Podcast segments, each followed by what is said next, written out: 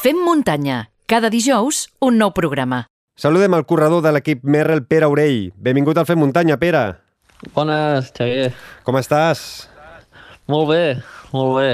A veure, Pere, Aquí a Matadepera ja. tinc... ja ben tornat. Uh, tinc moltes ganes de parlar amb tu del projecte Rolling Mountains i una miqueta del, del futur, uh, de les, uh, del que doncs, correràs els propers uh, mesos i sobretot del darrer reportatge al continent africà. Però començo potser pel més eh, recent. Eh, segona posició en la distància clàssic de la Transgran Canària. Vas acabar content amb el teu rendiment, suposo, no?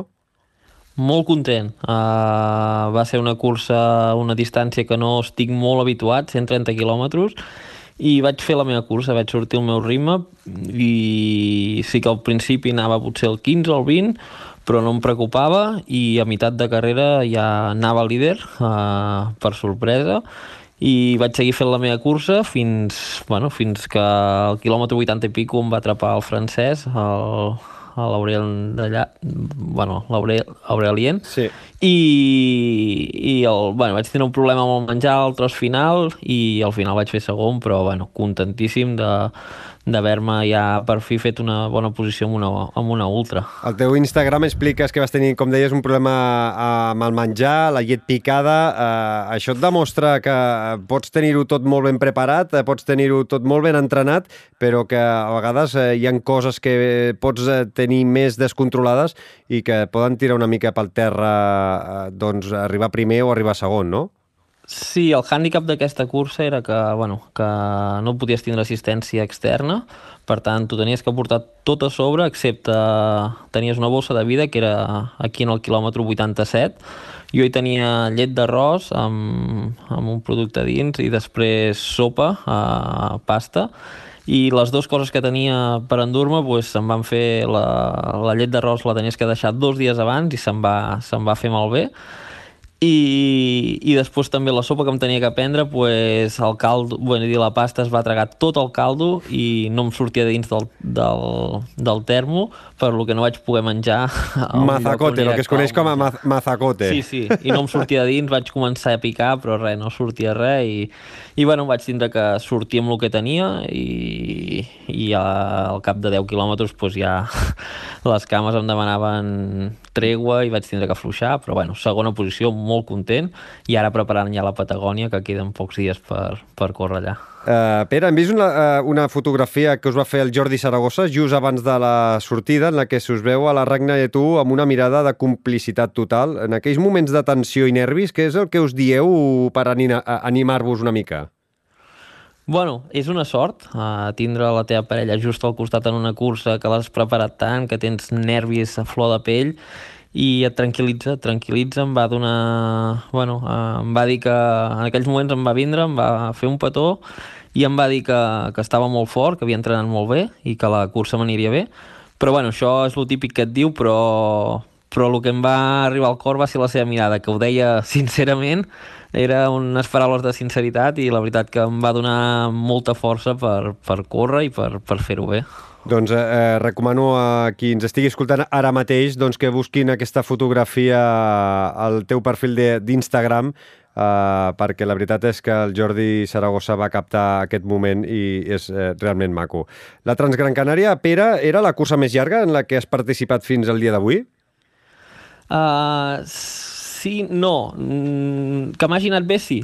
Uh, ja havia he picat bastanta pedra amb, amb això dels ultras en distàncies de més de 100 quilòmetres i sempre amb el tema de nutricional tenia molts problemes uh, m'ha ajudat molt l'Àrids l'Àrids, el meu nutricionista i la veritat que, que ho hem treballat molt durant aquests últims tres mesos a provar menjars que m'anessin bé i, i ha sigut bueno, arreglar el tema de la panxa i, i veure que, que, bueno, que sóc competitiu amb aquesta distància. Em pensava que, que no, no podia córrer més de 100 quilòmetres perquè sempre em passava una cosa o una altra i, i bueno, el meu cap estava ja pensant, dic, bueno, mira, em tindré que tornar enrere i fer les curses que sé que em van bé, maratons i fins a 70 quilòmetres, però bueno, eh, era un problema de temps de, de millorar això del menjar i, i la veritat que molt content i ara amb moltes ganes d'afrontar la temporada que tinc tres ultres més i, i em, bueno, em sento capaç de, de, de poder-los disputar. La primera, el proper 9 i 10 d'abril, eh, que te'n vas fins a la Patagònia, la, la Patagònia Run, per córrer les teves primeres 100 milles. Li tens por, respecte, ganes? Què, què et passa ara mateix eh, pel cap, eh, Pere? Por no, respecte molt. Al final serà la distància més llarga que hauré fet fins, fins al moment. Uh, estem entrenant molt bé. Uh, vaig veure que a la Transgran Canària, que fins al quilòmetre 100 anava molt bé. Si no hagués sigut per, per el problema del menjar, crec que hagués pogut fer 60 quilòmetres més, o sigui, arribar a les 100 milles.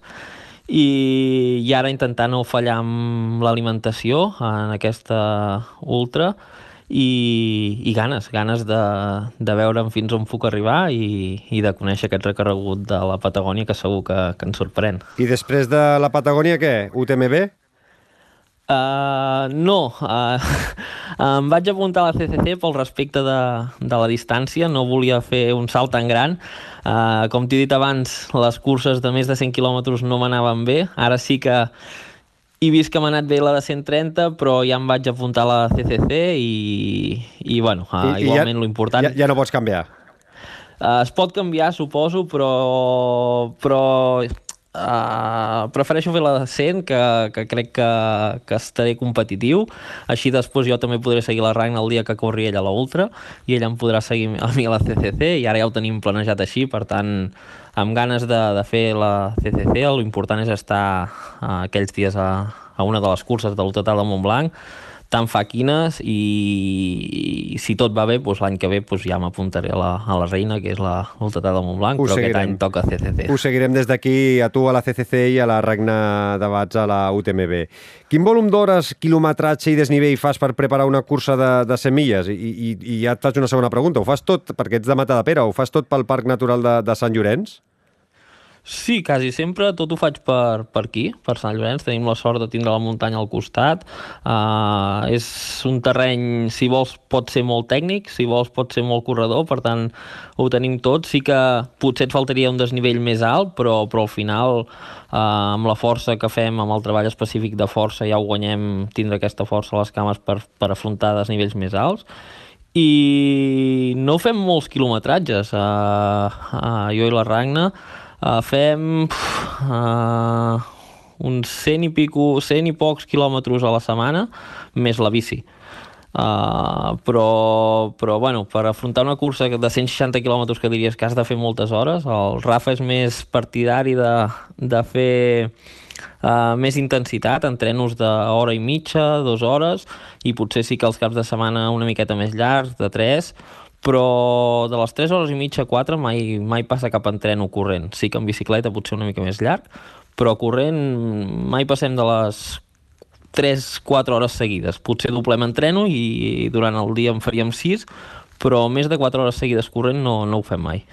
Interessant. Eh, a part de la CCC i la Patagònia Run, on et veurem córrer aquest any 2021 si la pandèmia ens deixa, evidentment? Perquè ara sembla que hagin obert una miqueta la, la, la, les portes. Eh, aquest cap de setmana doncs, comencem a, a tenir les primeres curses a casa nostra, com la Montserrat Sky Race, i, i esperem que no, no haguem de donar passes enrere. Eh, en aquest any 2021, a part de la CCC, on et veurem, Pere? Uh, bueno, després faré un, un peron després de la Patagònia Run uh, i m'agradaria córrer el Mundial que es fa a la vall d'avui de, Sky, de la Sky Running, a la Buff Epic Trail. Uh, és una cursa de 65 quilòmetres, uh, un terreny tècnic i, i em ve de gust córrer, a part és un Mundial.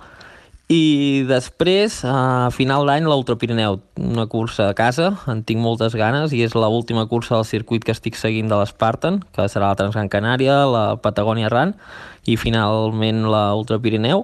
I, I és una cursa que en tinc moltes ganes, l'Ultra Pirineu, per, bueno, perquè l'he fet dos anys, els dos anys no m'ha anat bé, i aviam si em puc treure l'espineta aquest any i, i amb els de casa que em vagi, que em vagi bé. I et faig l'última abans d'anar a viatjar uh, amb el projecte Rolling Mountains. Uh, que hagin curses que, o que hagi entrat uh, en el panorama del trail l'Spartan, l'empresa Spartan, uh, motiva més per participar, per exemple, al Transgran Canària, a l'Ultra Pirineu, uh, pels uh, premis quantiosos que hi han comparat amb altres curses? Bueno, uh, Més que pels premis, uh, és un circuit que el vaig veure interessant per les curses. Uh, Ultra Pirineu, com he dit, és una cursa que em venia de gust tornar a fer. Llavors, Transgran Canària és una cursa que sempre volia anar i per l'època de la temporada no, no em veia capaç de, de fer-la. I, i més que per, per als premis eh, és per, bueno, perquè les curses són interessants i a part perquè és un circuit que, que, bueno, que, que ha apostat per, per tindre atletes de nivell i el que vols és córrer amb atletes de nivell i a mi el que m'agrada bueno, és, és poder-me comparar amb els millors i per això he seguit, he seguit aquest, aquest campionat. Tenen un circuit molt, molt, molt potent, Spartan Race. Eh, Vinga, viatgem, parlem eh, del Rolling Mountains, el projecte que juntament amb la Regna de Bats, l'Ona, eh, el Bru i tu dueu a terme des del desembre del 2019. Fes-nos cinc cèntims sobre què és aquest projecte familiar, com va néixer i amb quin eh, objectiu opera. Bueno, neix a, el 2018, eh, jo guanyo la Copa del Món de, de, de Sky Running, de la modalitat Sky Extra. La Ragna ja l'havia guanyat, aquell any el torna a guanyar. I a les curses ens preguntàvem, sempre anàvem amb la Ona i el Bru, i sempre ens preguntàvem, hosti, com us ho feu per poder viatjar els, els quatre a tot arreu, eh, seguint les curses, estar davant, i vam acabar el campionat i vam dir, hosti, per què no ensenyem a la gent com ens ho fem per, per viatjar, per competir tots junts i, i mostrar-ho a la gent. I, bueno, eh, vam ajuntar el que ens agrada, que és competir, viatjar i família, i ho vam ajuntar tot en un pack per, per, bueno, per, per mostrar-ho a la gent i llavors va, va sorgir la idea de, de fer una cursa a cada continent. Mm -hmm. I tot això ho graveu i teniu penjat tots al, al vostre canal de, de YouTube, que deixarem l'enllaç a les notes d'aquest programa, i així la gent podrà gaudir de moment de tots els reportatges que teniu, que teniu Àsia, Sud-amèrica, Centroamèrica, Europa i Àfrica. El 2019 vau començar a Àsia. Mm, quins són els llocs que després de més d'un any encara tens aquells bons records i que doncs, hi aniries així que poguessis?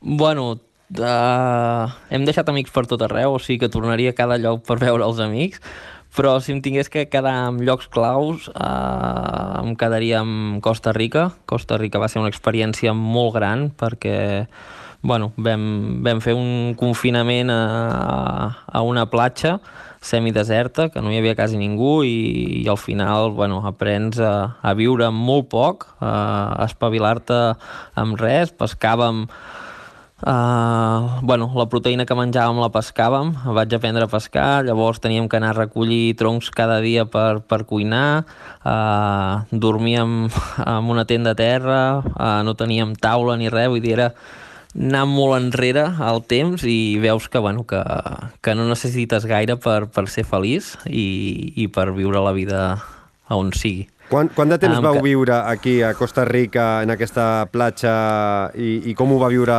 l'Ona?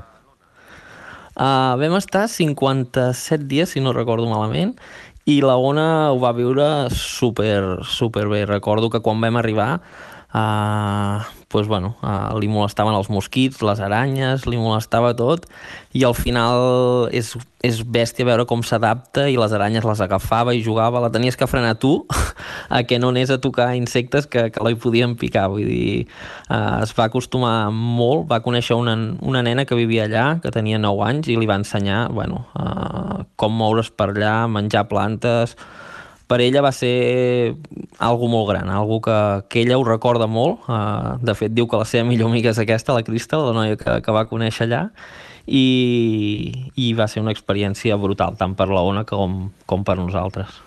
Vosaltres eh, aquí, de totes formes, eh, ja que les eh, curses es van suspendre, tu vas continuar fent reptes personals aquí a Costa Rica, no?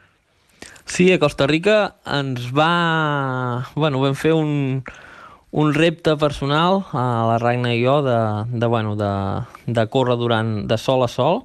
Teníem una pujada que feia uns 400 metres de desnivell i vam, bueno, vam fer el màxim de cops possibles de sol a sol pujar i baixar aquella muntanya i la veritat que va ser un repte molt dur perquè la temperatura allà és molt alta, la, la, la humitat i la xafogó que fa és molt, molt gran i bueno, jo crec crec recordar que amb, amb aquell dia vaig veure uns 17 litres d'aigua amb, amb l'activitat. Sí, eren 12 hores i vaig veure 17 litres d'aigua, o sigui que perquè et, uh, vegis la calor i, i el que perds uh, amb, una, bueno, amb, un, amb un ultra el que perds, però allà el que, el que perds amb, amb, amb la calor i humitat que hi havia. Va ser algo molt dur, però, però molt, molt gratificant. Ara et pregunto, uh, per exemple, eh, la Transgran Canària, uh, aquí, clar, són 17 litres amb, amb, amb poc més de 12 hores de, de sol a sol, uh, uh, surt a un litre i, i, i una mica més. A la Transgran Canària, quant d'aigua, quanta aigua pots arribar a veure uh, per hora, aproximadament? Ho teniu calculat? Ho tens Ah, calculat? Sí, a la Transgran Canària jo, com també és una cursa que es corre de nit, que no bec tant, uh, bec uns 500, 600 mil·litres l'hora, 600, 700 com a molt.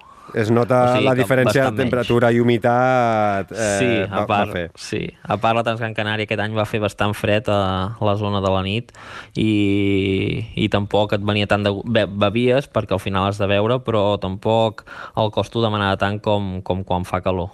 Uh, vau estar a Sud-amèrica, vau pujar a la Concagua, va ser un dels principals objectius, no? Sí, uh, el que fèiem a cada continent era una cursa i, i un repte personal. I el repte aquí a, a Sud-amèrica va ser pujar a la Concagua. Jo ja l'havia fet tres cops i, i sempre havia tingut el desig de fer-ho amb la Ragna i mira, va anar tot perfecte per poder-ho fer. Uh, va ser un dia dur per la Ragna, sobretot, perquè li va agafar un virus dos dies abans a la panxa. Es va quedar molt dèbil, però bueno, uh, és una fora de sèrie, no sé d'on treu les forces, perquè no podia quasi caminar uh, quan va sortir de, de la tenda i, i va acabar fent cim i, i baixant un altre cop al camp base. O sigui que és algo bestial veure la, la força que té mental la, la Ragna. De fet, m'ha ensenyat a mi bastant veure la, que el cap és, és el múscul més important del cos i que, que si el cap pot, eh, les cames t'acompanyen. És al·lucinant de, de veure el- els cinc eh, reportatges, eh? però el que dius, eh? veure la Ragna com tira de, de tota la família en moltes ocasions i, i és, és, és, és, és, és molt recomanable de, de, de veure que segur que molts de nosaltres eh, n'aprendrem eh, molt. Eh, vau poder tornar a casa, què, el mes de maig, eh?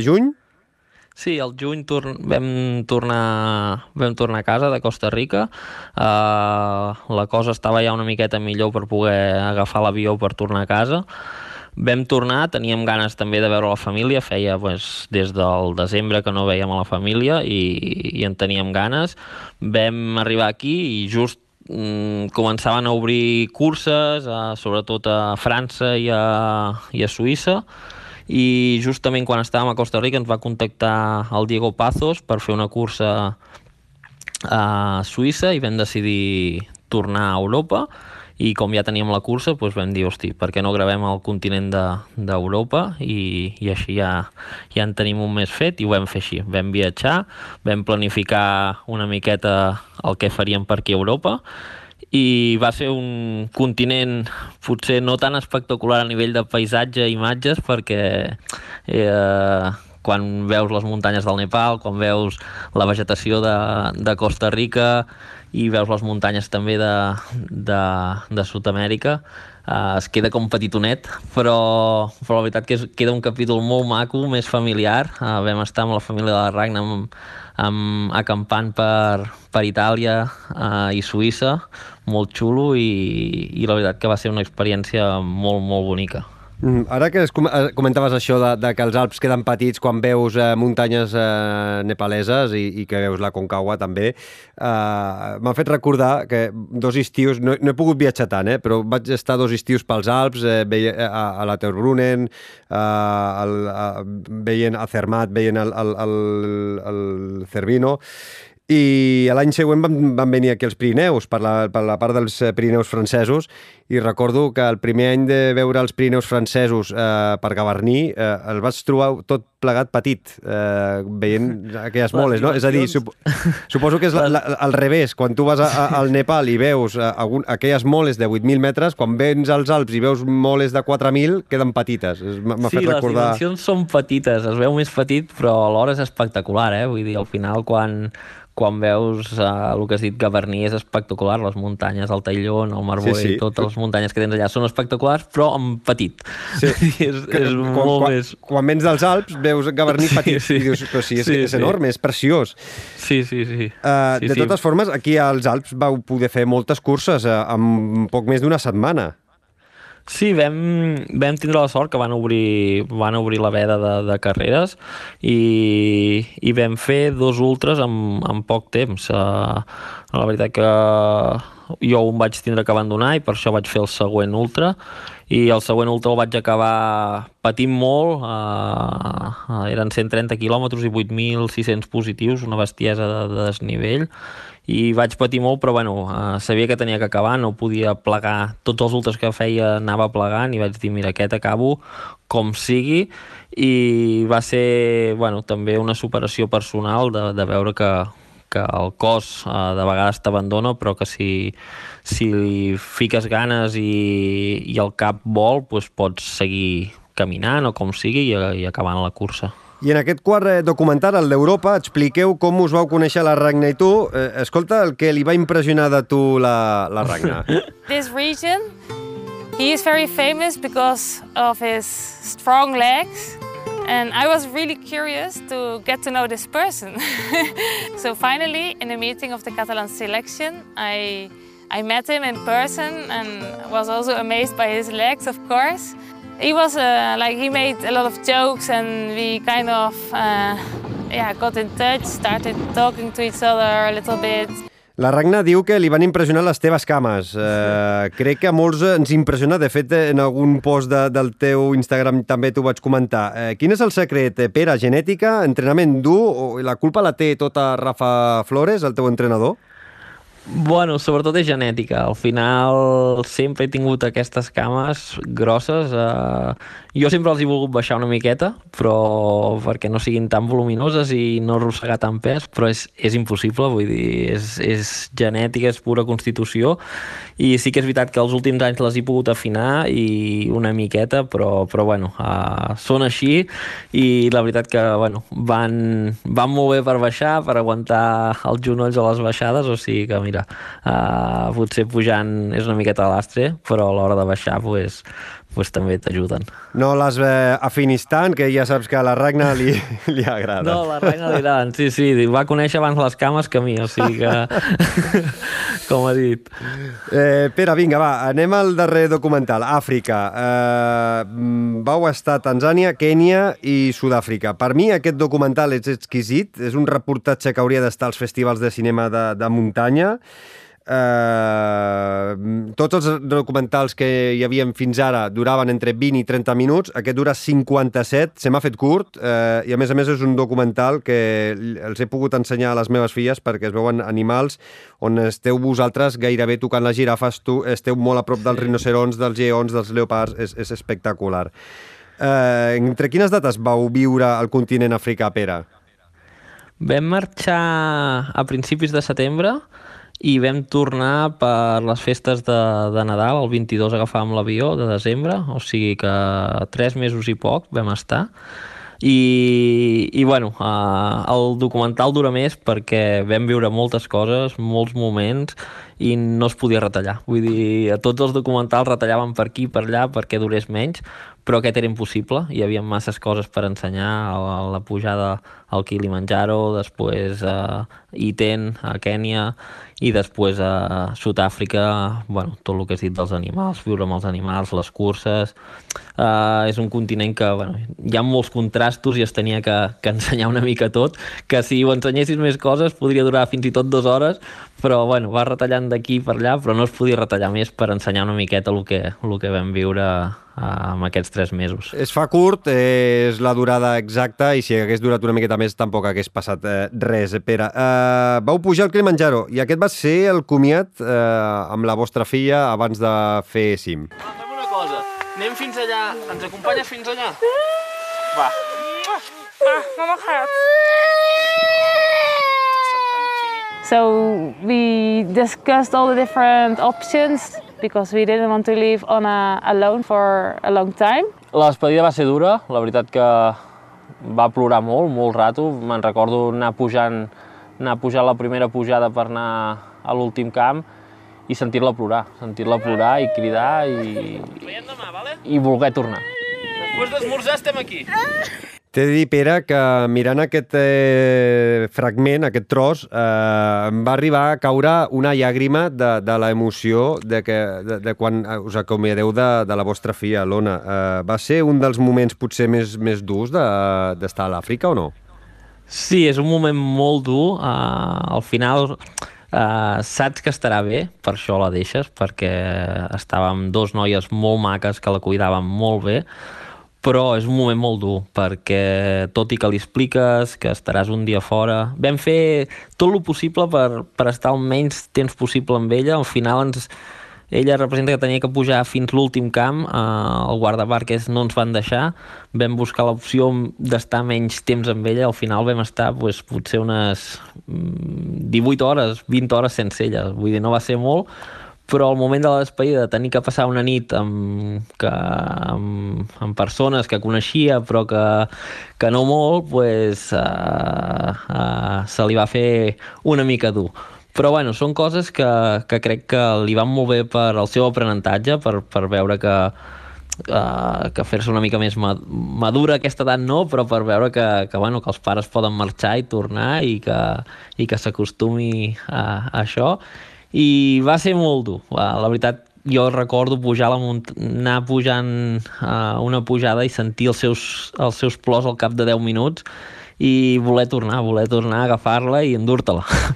però, però bueno, uh, al final va anar tot molt bé, vam fer el cim uh, i vam tornar amb ella i, i llavors quan arribes i veus que està contentíssima, t'explica tot el que ha fet, uh, que s'ho ha passat molt bé, que ha jugat això, que ha fet l'altre i et i et rep amb un ram de flors que ha buscat per allà, vull dir, al final veus que s'ho ha passat bé i que no ha sigut, no ha sigut tan dolent com a pare d'haver marxat unes hores. És molt xulo veure com l'Ona s'adapta perfectament allà on esteu, s'adapta perfectament a, a, a viure doncs, a, amb gent eh, de Kènia, per exemple, també és, és, és increïble com la facilitat que tenen els nens petits per adaptar-se a tot, eh? I, I que bé que s'ho passen perquè tot és nou i, i veuen coses que només han vist per la tele o amb llibres. Sí, és molt, molt bèstia com s'adapten a tot. Uh, els nens són esponges, al final Uh, ella el que vol és estar amb, amb, els, amb els seus pares, uh, amb el Bruce si pot també, vull dir, estar amb la família, ella no necessita res més. I, i és feliç amb així. Uh, vagis on vagis, mentre estiguem nosaltres al seu costat, ella és feliç. I si pot veure món, pot veure altres cultures. Eh, ella ha estat tot un any sense mòbil, sense tablet, sense res, s'ho ha passat superbé. Vull dir que al final crec que aquí estem massa ben acostumats de sempre tindre-ho tot i, i ella poder veure que, que hi ha nens a Kènia que només juguen amb unes pedres que se les ingenien a fer un aro i córrer amb un aro pel carrer i s'ho passen bé i els veus riure tot el dia, doncs això que ella ho vegi eh, jo crec que, que se li obre un món al cap molt, molt gran. Mm -hmm. Uh, a Kènia, Pere, vau entrenar amb grans atletes, vau patir molt amb els canvis de ritme, amb els Farlex o no? Perquè uh, allà han entrenat també doncs, el Jordi Gamito, han entrenat també el Pau Capell i, i tots diuen el mateix, eh? Hòstia, aquesta gent corre molt. Com ho vau viure vosaltres? Uh, sí, vam... teníem moltes ganes d'anar a Iten a, a veure com vivien els atletes, com entrenaven, i és una passada, és una passada com el que respira allà uh, és, és, es respira atletisme aire pur, vull dir, uh, a les 6 del matí estan ja corrent per, per, als, per als carrers d'Iten i, i és impressionant el, el ritme que van, vull dir, tu quan comencen a fer els canvis, això del Farley, que es fan els dimarts i els dijous, intentes seguir-los i és que és impossible. Segueixes els dos primers canvis i llavors, bueno, se te'n van, però amb una facilitat increïble. A part, estàs a 2.400 metres, ells estan molt habituats a córrer aquesta alçada, nosaltres no, uh, i això també és un, un grau afegit que, que, que bueno, corre 2.400, pues és córrer so, uh, més o menys a dalt al Pedraforca, està corrent Sí, sí. a ritmes de 3.20, 3.30, 3.10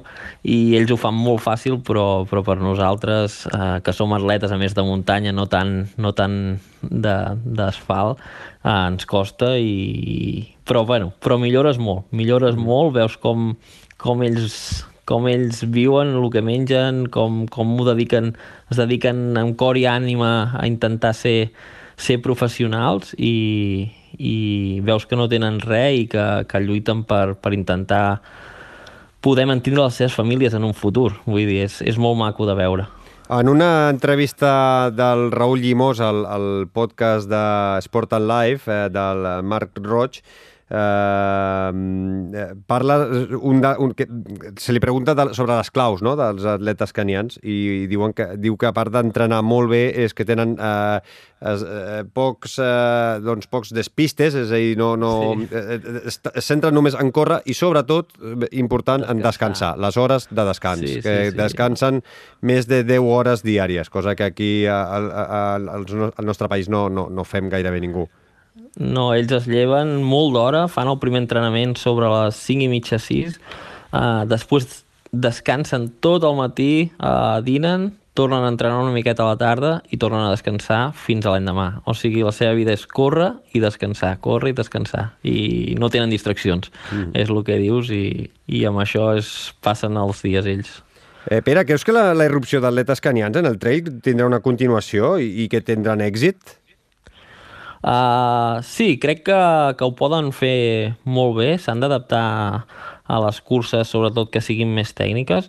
Uh, ara van vindre aquí a la Transgran Canària a, a córrer la marató i era una cursa que no era molt tècnica i ja, ja van poder fer, crec que segon Sí, sí. i quart, però, però bueno, també veus que, que els atletes d'aquí són forts. L'Andreu Simón va donar la talla i va, els va guanyar uh, uns tios que tenen 2-10 crec en marató, o sigui que, que encara els hi falta una miqueta, però sí que, sí, és- que és veritat que si les carreres són poc tècniques eh, Poden donar guerra, eh? Han nascut, han nascut per córrer aquesta gent i la veritat que és, que és difícil competir contra, contra ells quan s'adaptin bé, bé, bé en aquest medi.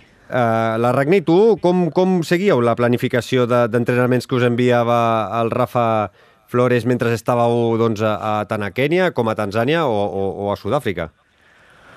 Uh, durant tot el viatge ha sigut molt difícil seguir els entrenaments, seguir uh, a rajatabla el que és uh, ser atleta professional. Uh, la idea era fer-ho tot perfecte uh, a Àsia, després a Sud-amèrica, però, però vam veure que era molt difícil i bueno, va, vam intentar disfrutar al màxim de lo que vivíem i no dedicar-nos tant a córrer, córrer, córrer, perquè al final deixaves de fer moltes coses et perdies moltes coses per tindre que entrenar. I sí que és veritat que aquí a, a Àfrica a, tenim una mica més d'estabilitat, no viatgem tant, podem estar més temps a, a llocs i, i comencem a seguir més els entrenos del Rafa i tornen a arribar els resultats, et tornes a sentir una mica atleta eh, i et sents ràpid un altre cop i veus que, bueno, que, que no has perdut tant durant tot un any, que has disfrutat molt i, i després tens moltes més ganes d'entrenar quan arribem a, aquí ara al desembre per preparar tota aquesta temporada de 2021 i, i això, uh, ara tenim moltes ganes de, de tornar-nos a sentir atletes, de, de tornar a intentar disputar curses que, que durant aquest any passat pues, bueno, sí que corríem però a un nivell una miqueta per sota el que podíem. Vau córrer, vau fer una gran pretemporada a l'Àfrica, perquè inclús a, a, a Sud-àfrica vau córrer entre lleons, gapars, rinocerons. Vau passar por o no? Sí, uh, va haver un moment amb els lleons, sobretot, que, que vam passar por, uh, perquè bueno, ens vam allunyar una mica més del vehicle de lo que, de lo que teníem, bueno, uh, ens havia dit la noia, i, i va haver un moment que vam veure els lleons de cop, els teníem a 150 metres, i va ser anar corrent ràpid cap al cotxe i la sorpresa de veure que el lleó feia potser pff, dos minuts que havia caçat una presa, que al final aquella presa haguéssim pogut ser nosaltres i, i veus que, bueno, que, que no és tan que no és tan maco córrer eh, al costat d'aquests animals. Vull dir, has de tindre-li molt respecte perquè, bueno, són animals que bestialment, bueno, són molt grans, són, tenen una força descomunal i, i els vam tindre una miqueta, els hi vam perdre el respecte durant 10 minuts i, i hagués pogut ser un fallo molt, molt gran. Uh -huh. Uh, Pere, quin, és el, quin era el pressupost per cada reportatge i sobretot amb aquest cinquè capítol d'Àfrica? Perquè, clar, uh, les, la qualitat d'imatges és espectacular, sempre s'us veu a vosaltres uh, corrents, hi ha imatges aèries... Uh, portàveu un, un equip de persones amb, amb vosaltres per poder gravar tot això? Amb nosaltres només ens acompanya una persona, sempre a, a tot arreu, que, que, bueno, que és el, al principi els reportatges va ser el Julian Alorza, un, un gran càmera que, que seguia la Copa del Món de, de Sky Running, i, i després, eh, els últims dos capítols, Kènia, Àfrica i, i Europa, Uh, ve el Sandro, uh, Sandro Sucat, un, un càmera més jove, però amb moltes ganes també, i la veritat que s'adapta molt bé uh, i bueno, uh, totes les imatges que veieu pues, només ho fa una persona, ho filma ell, ho edita ell i ho fa tot, tot una persona. O sigui que la veritat que sembla que vingui un equip amb nosaltres, és espectacular, però, no? Per però només és una persona. No, no, era un dubte que tenia, perquè inclús eh, eh, comentant el reportatge amb amics deien dic, eh, eh, sols no han anat, han anat amb un equip de, de, de, de dues persones gravant, amb so i tal, perquè eh, sona molt bé, si us veu a vosaltres corrents amb imatges de dron, amb, amb travelings, eh, està molt ben rodat eh, i té molta, molta qualitat. Sí, són moltes hores gravades, la veritat que potser per un capítol que dura una hora doncs té més de 100 hores gravades, o sigui, és, és tan dur per ell com per nosaltres gravar, al final hi ha molts moments que, que no et ve de gust fer coses i has de córrer i fer això i l'altre, però, però bueno, eh, el resultat dels vídeos val la pena perquè, perquè bueno, després acaba sortint el que és viscut allà i és la veritat que, que molt, molt, molt maco. Sempre heu fet una miqueta el que heu volgut, no? És a dir, sobre la marxa, anar mig improvisant i, i anar pactant sí. amb, amb el Sandro, que és el que volíeu, i, i, i que ell també es pogués preparar una mica, no? Sí, sempre no tenim un guió, sempre tenim la, bueno, aquí, per exemple, a Àfrica teníem clar que aniríem a, a Kènia, a, ai, a Kènia, perdó, a, al Kilimanjaro, després volíem anar a Kènia, però Sud-àfrica no estava dintre dels plans. Vull dir, al final, quan estàvem a Kènia, van obrir les fronteres de Sud-àfrica i teníem uns amics allà, eh, els vam trucar, vam dir com estava el país, ens van dir que bé, que no hi havia Covid, que s'estava molt tranquil, que estaven obrint les curses, i vam decidir anar cap allà i, i bueno, vam passar quasi dos mesos allà però sense tindre-ho programat o sigui que això també és el maco de, de, de Rolling Mountains que saps el dia que marxes i no saps el dia que tornes a casa i amb el reportatge d'Àfrica, doneu per acabat el projecte Rolling Mountains o us queden més jocs per anar i gravar i que nosaltres des de casa puguem gaudir? No, encara ens queda. Al final Rolling Mountains era fer una carrera a cada continent ah. i en queden tres. Uh, ens queda uh, Oceania, uh, ens queda Nord-Amèrica i ens queda l'Antàrtida. O sigui que queden tres continents que els farem seguríssim. És, volem acabar el projecte. Aquest estiu uh, farem Nord-Amèrica. Uh, quan acabem Patagònia... Sobretot Mm, el que ens... El hàndicap més gran és la ona que ha d'anar a col·le, per tant, al juny eh, intentarem marxar cap a, a Estats Units, bueno, Nord-Amèrica, estarem allà un mes i mig, dos, per gravar el capítol, farem una cursa. Sabeu quina i... o no, encara? O encara no ho sabeu? Uh, o quina us agradaria no... córrer? No sabem encara quina, perquè en tenim tres o... No, no la tenim clara encara. Uh, la distància, sí, més o menys, que sabem que serà d'uns 50-100 quilòmetres, perquè tampoc ens volem carregar molt per l'ultratat del Montblanc, que quedarà una miqueta a prop, i per també la, el Mundial que vull fer avui, però serà això, sobre uns 50-100 quilòmetres, i sí que és veritat que la principal el que ens feia gràcia era la Western States, però ens va ser impossible apuntar-nos, sobretot la Ragnar li feia molta il·lusió fer-la, però Uh, és un sorteig molt difícil d'aquest toqui, no, ens, no li va tocar i, i ara estem buscant una cursa que sigui de prestigi, que tingui nom, perquè el que sempre busquem és que sigui una cursa que, que hi hagin bons atletes i, i res, no sabem encara quina serà uh, de, uh, com quan la trobem ho publicarem a les, a les redes perquè la gent sàpiga on anirem, però ara per ara encara no, no tenim la cursa decidida. La Hard Rock, eh, què, no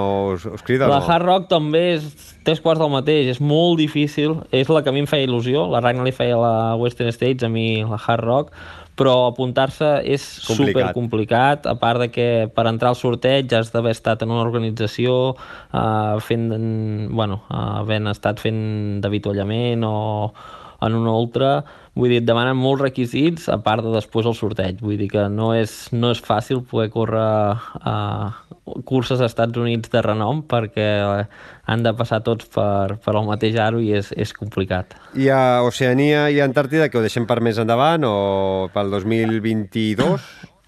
Uh, L'Antàrtida volem fer-ho final d'any, uh, ens agradaria... eh, L'època bona per anar-hi és a partir de entre novembre i desembre i intentaríem anar-hi aquest final d'any i sí que Oceania seria l'any que ve perquè bueno, uh, està tancat el país encara, no han obert, Austràlia està tancat, uh, Nova Zelanda també, no deixen entrar gent de fora. I bueno, ara fa dies que no ho miro però fins fa poc uh, era així. I, i ho deixarem pel 2021 que suposo que... Ai, 2022, 2022. suposo que que la gent estarà més vacunada potser i, i ja es podrà començar a moure més la gent i, i acabar-ho el 2022 si tot va bé, a poder acabar poder acabar Rolling Mountains pues, a, el 2022. I nosaltres que, que ho gaudirem i que tenim ganes que, que vosaltres disfruteu, que ho pugueu gravar i que ho puguem veure a casa.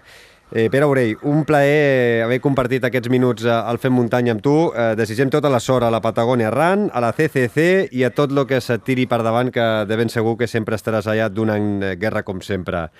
Molta Moltíssimes sort. gràcies, Xavi. Cuida't molt, una abraçada. Fins la propera. Una abraçada. Adéu. Visita la nostra web femmuntanya.cat